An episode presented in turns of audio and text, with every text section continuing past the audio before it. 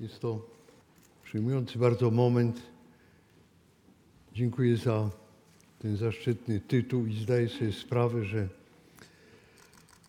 znalazłem się we wspaniałym gronie honoris causa doktorów Łódzkiego Uniwersytetu. Przyznaję, że nigdy, nigdy żadnego doktoratu honoris causa się nie spodziewałem w życiu. Było to absolutnie poza wszelkimi ambicjami i wyobrażeniami. Gdyby to nie było nieuprzejmie w stosunku do tych, którzy go przyznali, to on powiedział, panowie, czy to przypadkiem nie jest jakaś pomyłka?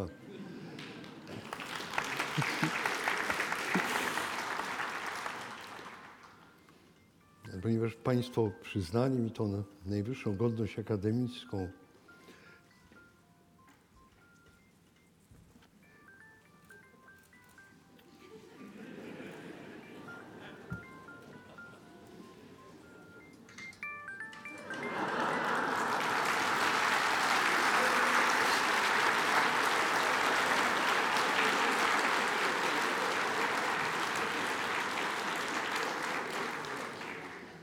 straszne. W kościele proszę, żeby ludzie wyłączyli komórkę.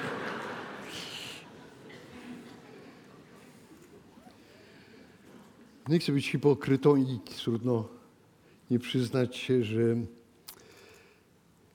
no się bardzo cieszę z tego wspaniałego tytułu. Sprawia to ogromną radość. No, słuchanie na swój temat takiego wykładu jest pewnego rodzaju doświadczeniem trudnym. Nigdy mi się w życiu nie zdarzało tak długo słuchać na swój temat takich rzeczy, ale ludzie, człowiek lubi jak go chwalą, nawet jeżeli wie, że to nie wszystko jest całkiem prawda.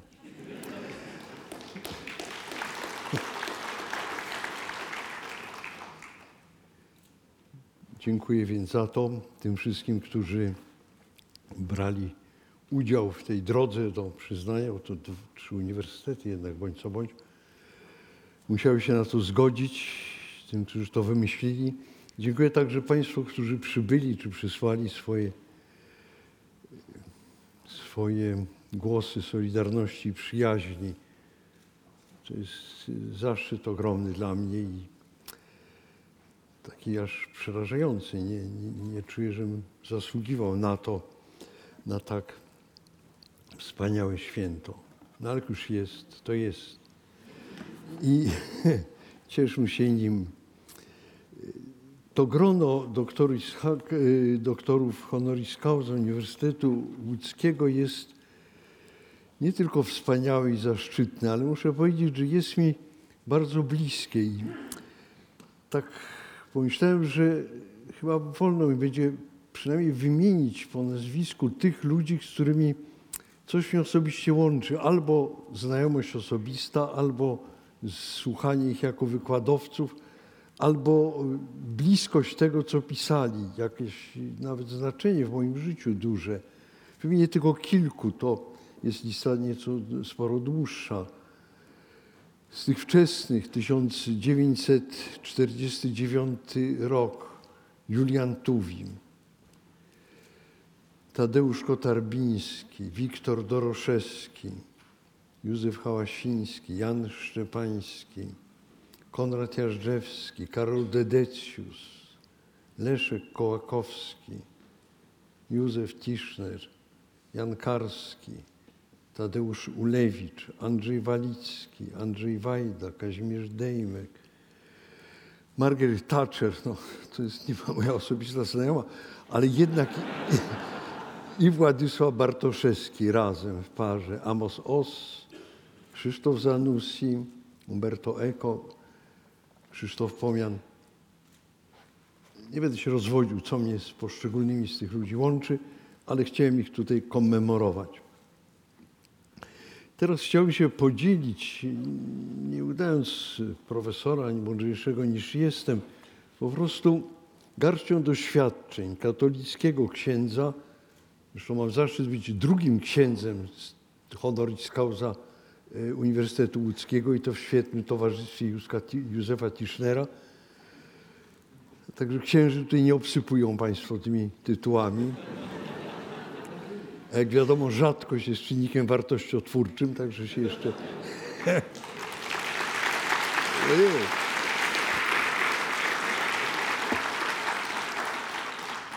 Co się dzieje z moim ego, można sobie wyobrazić. I chciałem się podzielić doświadczeniami niektórymi, wydaje mi się, ważnymi katolickiego księdza, zarazem redaktora, dziennikarza.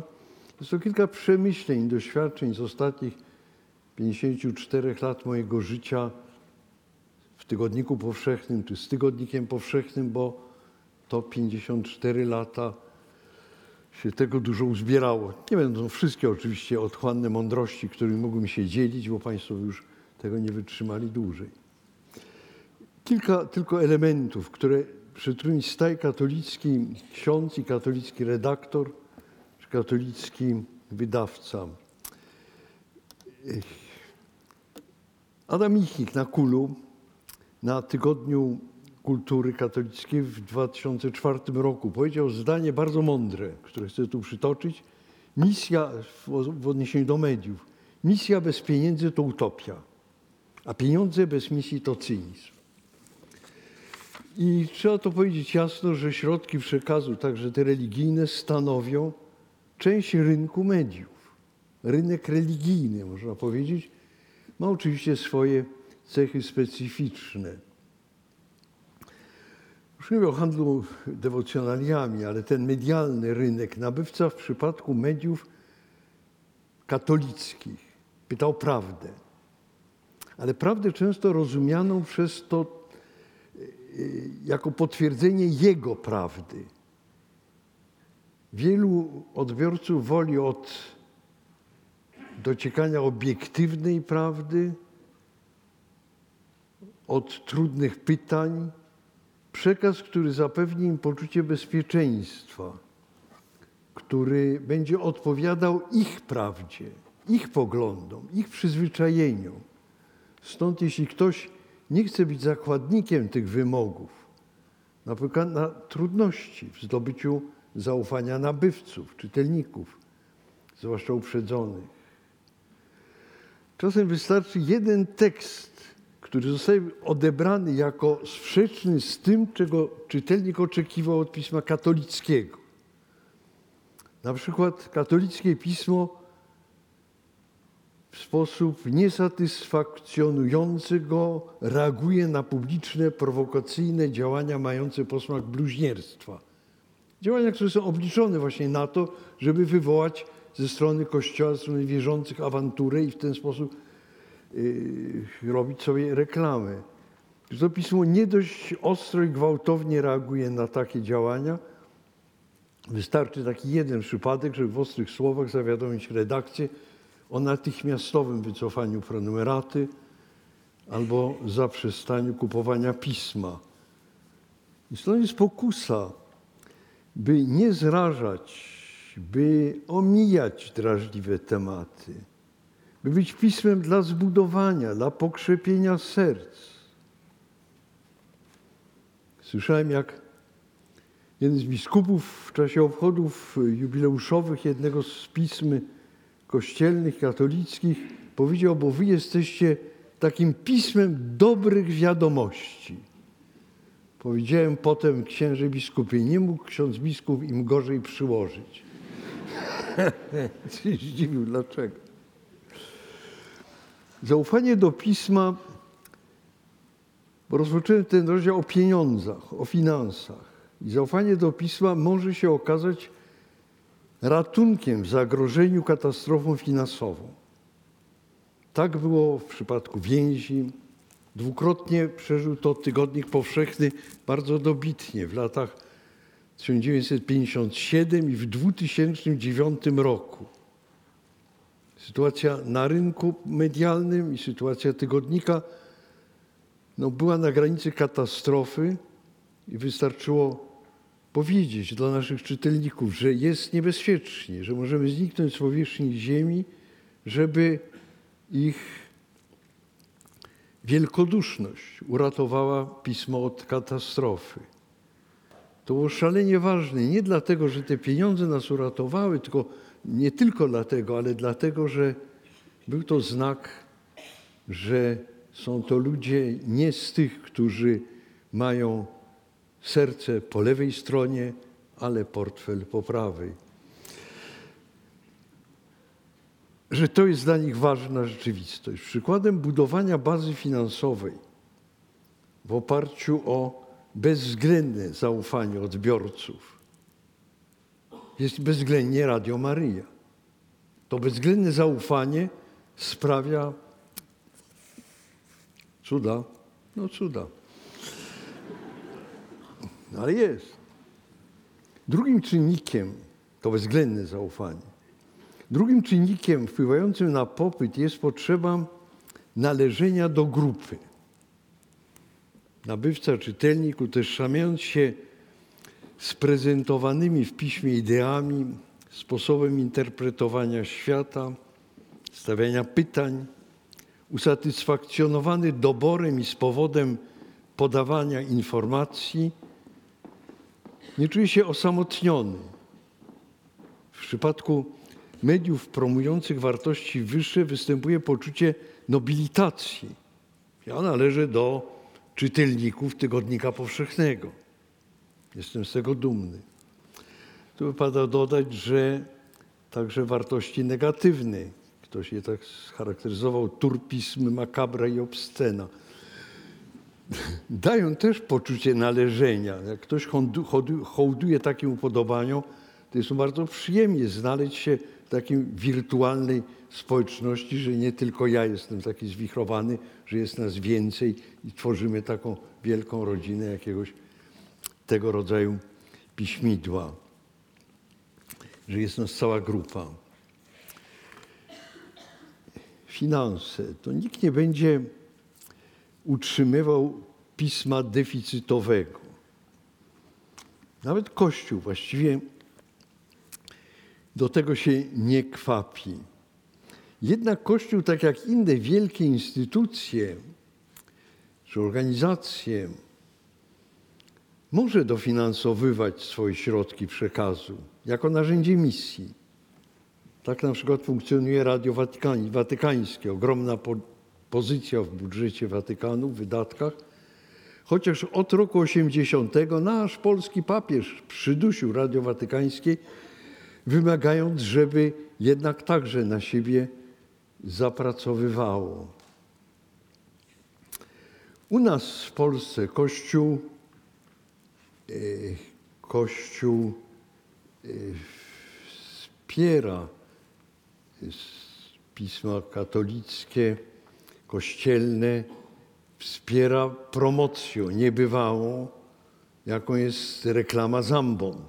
To jest gigantyczna sieć promocyjna. Każde ogłoszenia parafialne w zakrystii możemy dostać, można kupić pisma katolickie, jeszcze jedno się wybierze i zareklamuje, że tam jest właśnie ważny artykuł, to jest niesłychana sieć e,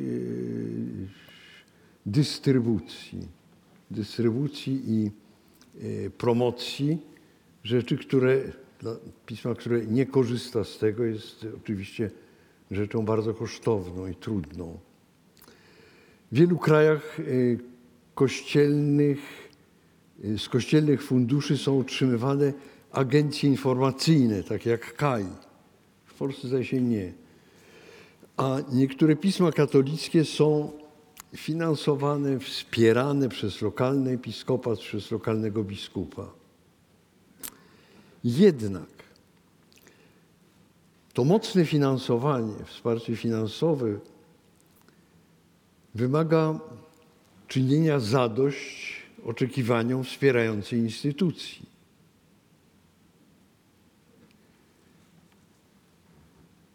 niezależność i właściciele. Z tym się to wiąże. Problem niezależności pisma, czyli innymi słowami, pełna odpowiedzialność redakcji za treści zawarte w piśmie. Jeżeli właścicielem jest Kościół, na przykład diecezja, to za jej ortodoksyjność, za treść tego pisma, za poprawność polityczną odpowiada biskup. Oczywiście biskup wykonuje to przez człowieka zaufanego, którego stawia na stanowisko redaktora naczelnego, człowieka, który w przekonaniu właściciela, przedstawiciela właściciela w diecezji yy, myśli i czuje tak samo, jak czuje ten szef diecezji. Yy, niesłusznie taką rolę odpowiedzialności za treści czasem przypisywano asystentowi kościelnemu. Tutaj taki nawias, ale chcę wyjaśnić, że instytucję e, asystenta kościelnego redakcji w czasach PRL-u wprowadzono, wymyślono właściwie po to, żeby w rozmowach z władzami tygodnik powszechny mógł być traktowany jako stan posiadania Kościoła. Bo w Kościele istniała instytucja asystenta kościelnego organizacji katolickich. A tutaj podłączono do tego redakcję.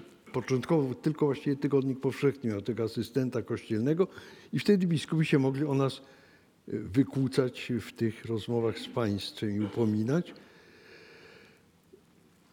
Co oczywiście dzisiaj już straciło e, znaczenie. Jeżeli chodzi o doświadczenia, te, których dotykałem z bliska, doświadczenia tygodnika powszechnego, właśnie z wolnością i z własnością tego pisma, które do kogoś w końcu należy, są bardzo ciekawe. Do 1956 roku tygodnik był własnością kurii krakowskiej, czyli mówiło, że jest wydawcą kuria krakowska, metropolitalna.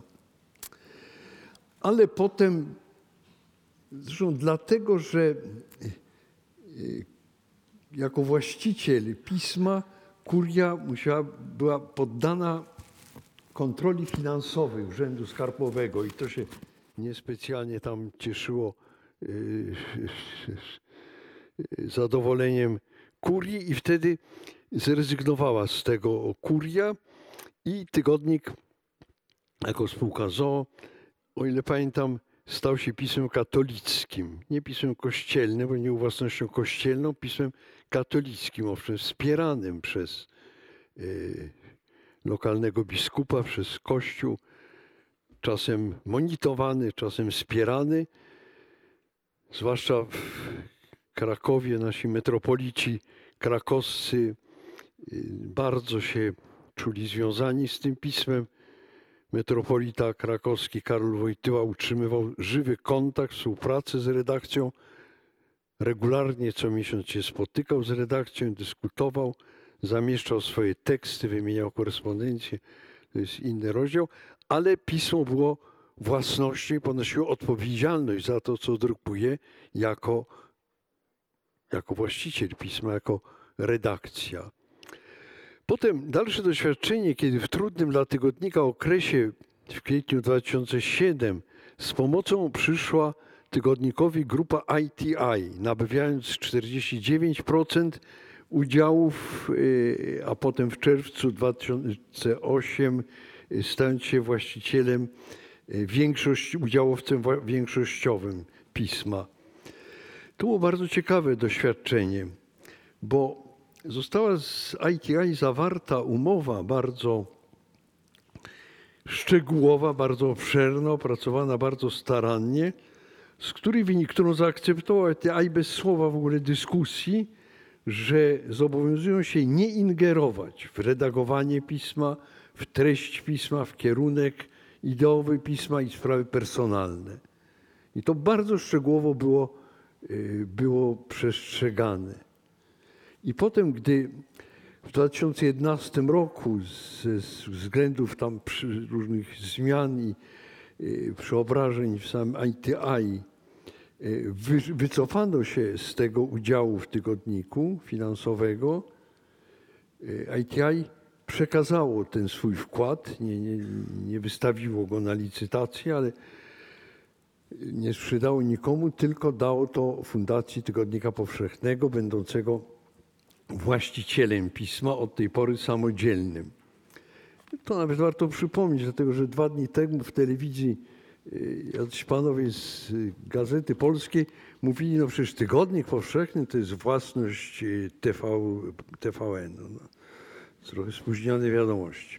No i wiadomo, dlatego jest taki, jaki jest. We wrześniu 2014 oddali te. Aha, w 2014 część udziałów nabył, nabyła Fundacja Centrum Kopernika dla księdza Hellera. I to była właściwie taka fuzja ku zadowoleniu z zapotrzebowania merytorycznego obu stron. Tygodnik Masy skorzystał na współpracy z ludźmi z tego środowiska. Oni też są zadowoleni, że mają forum wyjścia do szerszej publiczności. I myślę, bardzo owocna i satysfakcjonująca współpraca y, w tym współwłaścicielstwie y, się do, dokonuje. Mówię o tej historii z ITI, o tym wszystkim, dlatego że to dowodzi, że nawet w biznesie jest miejsce na działanie bezinteresowne. Ci, którzy w ITI podjęli decyzję wspierania, wspierającą tygodnik, nie zrobili na tym właściwie chyba się nie spodziewali jakichś interesów. Nie przewidywali z tego wielkich zysków, ale oni to zrobili naprawdę po to, żeby ocalić wartości w ich przekonaniu reprezentowane przez Tygodnik Powszechny. I dodajmy, że dla wielu komentatorów tego wydarzenia do dziś dnia jest niepojęta, nie mieści się w głowie, to nie można wierzyć, że ci ludzie, Gweichert, jak yy, to, ci ludzie, którzy się w to zaangażowali, mogli to robić bezinteresownie. Bezinteresownie, że jest miejsce na tym, więc nie chcę tak magicznie sprawy tej własności tutaj ustawiać, jak na początku powiedziałem. Ortodoksja dla pisma mającego w podtytule przymiotnik katolicki sprawia, sprawa ortodoksji ma znaczenie zasadnicze, bo Kościół nie może się zgodzić na to, żeby pod jego szyldem, żeby z logo katolicki szerzono treści niezgodne z jego nauką. W ciągu 55 lat mojej pracy w tygodniku nie zdarzyło się, żeby Kościół formalnie postawił tygodnikowi zarzuty nieortodoksyjności. Owszem, ja sam także jako naczelny tygodnika słyszałem ostrzeżenia, że może nam być odebrany prawo do tytułu, podtytułu katolickie. Ale to chodziło. Na przykład o to, że tak się stanie, jeżeli opublikujemy posiadany przez nas e, materiał e, przedstawiający całościowo i w pełni e, historię no, gorszących zachowań biskupa, reakcji stolicy apostolskiej, te wydarzenia, które może pamiętamy i pełen obraz tego został y, w takim wywiadzie, któryśmy mieli y, wydrukowany. I tu powiem, że jeżeli to wydrukujemy, to, to zostanie nam zabrane to pismo. Podobna reakcja, no może bez grożenia wprost utratą logo, ale gdzieś to było w podtekście, spotkało się z opublikowaniem jednej krytycznej wypowiedzi ważnego arcybiskupa, na temat Radia Maria na zebraniu biskupów ordynariuszy. Było to oczywiście zebranie tajne, z tego się nie publikuje dokumentów, które były tam wygłaszane, ale wszedłem w to, yy, mieliśmy ten, yy, ten dokument, wypowiedź biskupa, bardzo mądra, bardzo wnikliwa i oczywiście wydrukowaliśmy to. Zarzucono nam, żeśmy postąpili yy, mnie za szczegółowo, że Y, było to wbrew etyce dziennikarskiej, gdy wydaje mi się, że gdybym to schował ze strachu, żeby się komuś nie narazić, y, to by było przeciwko, dopiero przeciwko etyce.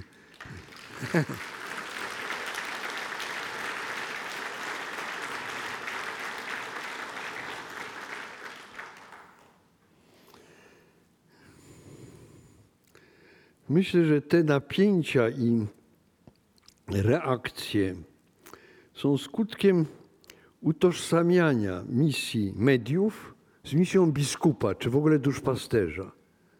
Jednak to jest inna misja, inne zadanie, inne obowiązki. To ilustruje dobrze historia, ja tylko przypomnę w skrócie, historia związana, dawna, z artykułem wydrukowanym w noworocznym numerze 1969 roku Jerzego Turowicza Kryzys w Kościele. Na artykuł publicznie zareagował ksiądz prymas Wyszyński.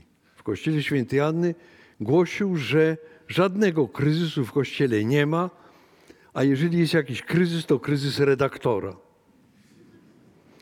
Kardynał Wojtyła też nie był zachwycony tym artykułem, czy też zadowolony. I w wymianie korespondencji, która zresztą została potem wydrukowana przez nas, cała wymiana listów na różne tematy z Wojtyłą, yy, naszego naczelnego Jerzego Torowicza, tłumaczył, że powołując się na pedagogię wiary, jak mówił, że informacje o toczących się w, kościelach, w kościele sporach, o tych różnych niepowodzeniach, one wymagają, wymagają, pisał, przygotowania teologicznego i polski czytelnik tego nie ma. Więc nie piszcie o tym, bo się ludzie zgorszą. Turowicz, który uważał, że formacja dokonuje się między innymi przez informacje, dowodził, że to, co jest dostępne w całym wolnym świecie, dostępne dla wszystkich, polskiemu czy, czytelnikowi po prostu też się należy. Nie można traktować polskiego czytelnika jako niedorozwiniętego debila. Bo katolicki dziennikarz nie może się zmienić w moralistę. Gazeta w encyklikę, czy nawet wykład katechizmu. Trudnych dla Kościoła pytań nie wolno mu omijać. Trudnych spraw, nawet skandali czy niefortunnych decyzji hierarchów nie można zostawiać pismom niechętnym Kościołowi. Musi się z nim zmierzyć, z nimi zmierzyć, nawet ryzykując niezadowolenie niektórych czytelników, hierarchów, księży, czy nawet tak zwanych zwykłych wiernych. Przecież to swoje katolickie pismo nie może ulegać wszechogarniającej nienawiści wobec innego. Nie tylko ma się upominać o krzywdzonych, o ofiary wojny, nędzy, uchodźców, o dyskryminowanych z powodu rasy, orientacji seksualnej czy niepełnosprawnych, ale także mamy odpuszczać naszym winowajcom. Co nie znaczy, że przez palce patrzeć na ich winy. Zwalczać zło, a nie niszczyć człowieka. Przynajmniej trzeba dążyć do tego. Kto to potrafi bezrennie robić, daleko zaszedł. Czasami może to bardzo katolickiemu dziennikarzowi też nie wychodzić. Po prostu przyłożyć się chce czasem także człowiekowi. Dziennikarz bez nieprzyjaciół, który nikomu nie przeszkadza, którego życie nie jest pełne kłopotów, bardzo rzadko jest dobrym dziennikarzem. Jeśli dziennikarzowi czy dziennikarce wszystko idzie gładko, to bardzo rzadko jest to dobry dziennikarz, napisała Oriana Falacci. Obiektywizm. Od katolickiego pisma, od katolickiego dziennikarza słusznie się oczekuje ukazywania pięknej twarzy Kościoła reagowania na fałszywe oskarżenia i niesprawiedliwe ataki, czy jednak ciemne strony tego, co ludzkie w Kościele katolickim dziennikarz ma omijać, czy katolickie pismo ma, jak mówiłem, zostawić pisanie o nich ludziom Kościołowi i wierzą, wierze niechętnym. Czy, czy zawsze, za wszelką cenę katolicki dziennikarz, katolickie pismo ma wszystkiego, co jest związane z naszym Kościołem, bronić. Jakże musieli być zaskoczeni ci, którzy tak uważają. Używając wielkich słów, matki się nie krytykuje. Ci, którzy tak myślą, jak usłyszeli ze słów kardynała prefekta Kongregacji Nauki Wiary, wkrótce potem papieża Benedykta XVI, który wobec całego świata na drodze krzyżowej mówił, ile Chrystus musi wycierpić w swoim Kościele, ileż razy czcimy samych siebie, nie biorąc Go nawet pod uwagę. Ileż razy Jego słowo jest wypaczane i nadużywane, ileż pustych słów, ile brudu jest w Kościele. I to właśnie wśród tych, którzy poprzez kapłaństwo powinni należeć całkowicie do Niego, ileż pychy, samouwielbienia. Naszym zadaniem jest informowanie i budzenie politycznej świadomości ludzi. Tej świadomości, którą władzę, którą władza, każda władza każdej instytucji zawsze stara się uśpić. Nie wiem, czy usiłowaniem zaradzeniu złu w kościele, zaradzenie złu, zanim się o tym napisze, na przykład przez zainteresowanie sprawą właściwych przełożonych kościelnych. Czy to jest błąd w sztuce? Przyznam, że tak czasem postępowałem. Najczęściej bezskutecznie. Bo wiem, że jeśli inne sposoby zawiodą od użycia tego środka, jakim są media, jakimi są opisane, publikacja, żaden, także katolicki dziennikarz od tego nie może się uchylać. O wolności słowa można by było wygłosić osobny wykład.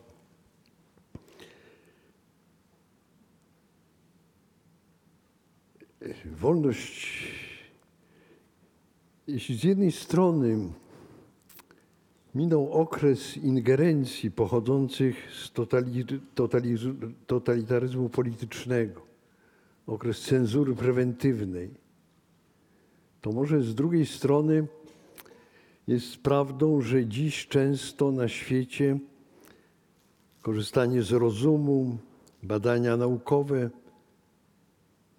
i media w sposób subtelny, a niekiedy wcale nie subtelny, muszą ulegać naciskom grup interesów ideologicznych, odwoływać się do celów utilitarnych, krótkoterminowych lub tylko pragmatycznych. Co może się wydarzyć, gdy nasza kultura będzie budować samą siebie jedynie na modnych argumentach, z niewielkim odniesieniem do oryginalnej historycznej tradycji intelektualnej, czy też na przekonaniach z wielkim hałasem propagowanych i szczodrze dofinansowanych. Wolności często nieco pustej i bez wartości. Na nowo trzeba uznać, że wolność i dobro, wolność i prawda idą razem. Inaczej niszczy się także wolność. Co nie daj Boże. Amen. Dziękuję.